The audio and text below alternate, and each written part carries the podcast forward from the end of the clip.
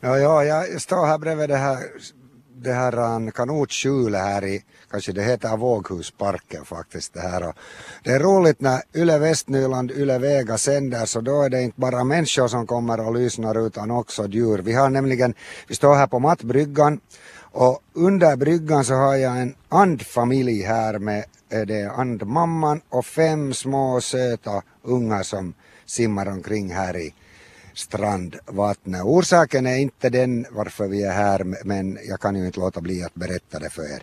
Vi är här och pratar om paddling och, och närmare bestämt om en paddlingskurs, den sista i ordningen som kanotklubben Vågen arrangerar och tillsammans med mig här på Matbryggan står Emma Malmsten som är en av ledarna och sen också två hjälpledare, kanske det är rätta titeln, jag vet inte, Elvira Johansson och Jenny Sandberg. Paddling ja, det där. Emma, det första som ni lär ut åt de här barnen nu när de kommer hit klockan tio när kursen börjar, vad är det? No, egentligen så är det första sjövett. Uh, vi lär barnen att man rör sig tyst och man ska ta hand om naturen. Och sen kort därefter så börjar vi gå igenom uh, paddelhantering och hur man sitter i kajaken och lite torrövar på land hur man paddlar. Torröva på land innan det blir dags för, att, för den första provturen till, ute här i, i, i vattnet. Ja. Eh, första dagen idag för den här kursen som är till 8 till 12-åringar förstod jag. Ja. Eh, när får de faktiskt sen paddla? Redan idag eller? Redan idag får de paddla. Ganska länge går den här första dagen ut på att vara på land, lära känna gruppen så att det sen känns tryggt då vi börjar ta oss ut på vattnet. Men ungefär en timme ska vi hinna paddla idag. Du pratar om sjövett redan och det är ju en, så, en sån här sak som har med säkerhet att göra. Men hurdana andra säkerhetskrav ställer ni på dels er själva, ni som är utbildare här, men också på de här barnen? No, vi som ledare måste ju klara av att sitta i kajak och kunna hjälpa till om det händer någonting. Och, uh, barnen behöver kunna simma. Vi rör oss längs med land men det blir ändå ungefär 50 meter som man behöver simma om man trillar i.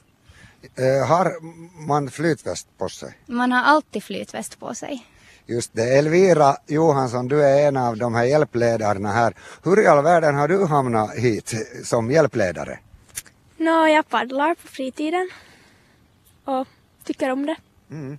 Det här var det ideal sommarjobbet för en som paddlar, eh, Jenny Sandberg. Hinner du med något annat, annat på sommaren alls än att, än att paddla? Jo, men största tiden får nog ut att paddla. Vad är det som är bäst med, att, med paddling och att paddla? Man får komma ut på havet och det tycker jag är kul. Och det är så här skönt, skön stämning.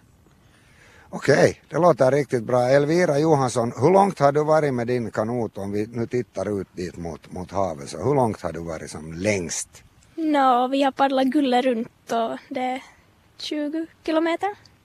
20 kilometer och paddla hela tiden, man har ju ingen motor som hjälp, det blir jättetungt tror jag. Eller? Jo. Precis.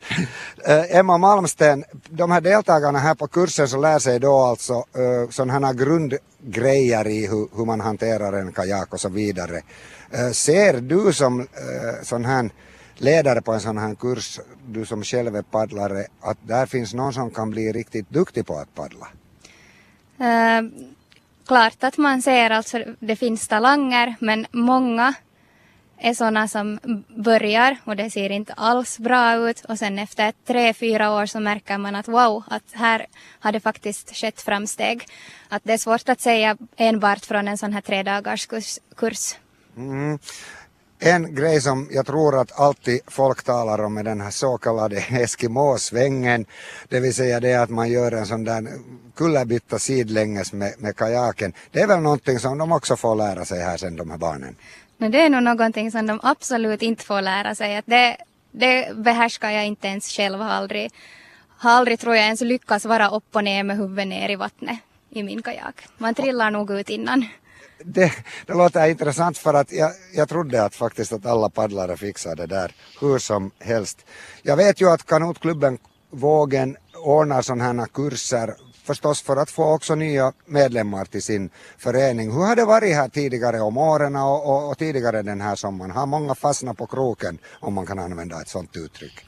Många har fastnat ju och speciellt nu den här sommaren så har vi eh, deltagare på våra träningar från förra årets kurser och som mest har vi varit 15 stycken tror jag. Så vi är faktiskt för tillfället många juniorer i föreningen. Jag frågade de här hjälpledarna redan vad det bästa med paddlingen men vad, vad, vad svarar du på en sån fråga? Nå, no, jag tycker själv om att träna. Paddling är en tung sport och jag tycker om att, att bli trött på mina träningar. Plus att det är vackert, vackert landskap, vacker natur. Så på många sätt är det en jättekiva sport. Mm. Vad var det som egentligen fick dig, Emma Malmsten, att börja i tiderna med paddling och hur gammal var du när du började? Eh, jag började ganska sent, jag tror jag började ungefär som 14-åring. Eh, höll på med simning innan det men tappade lite gnistan för simningen och ville pröva på någonting annat och så var det en familjebekant som föreslog paddling och så får jag nu att testa och de första somrarna gick bara till att glida runt här i viken. Mm. Du är ju som sagt då alltså en tävlingspaddlare och när jag ringde till dig i förra veckan och, och, och kom överens om att vi ska träffas här, här ute och göra den här intervjun så var du på träningsläger. Eh, hur mycket tränar du egentligen Emma? No, för tillfället tränar jag ganska mycket. Det är det som dagen handlar om. Morgonpass och så vila på, på dagen och sen ett kvällspass.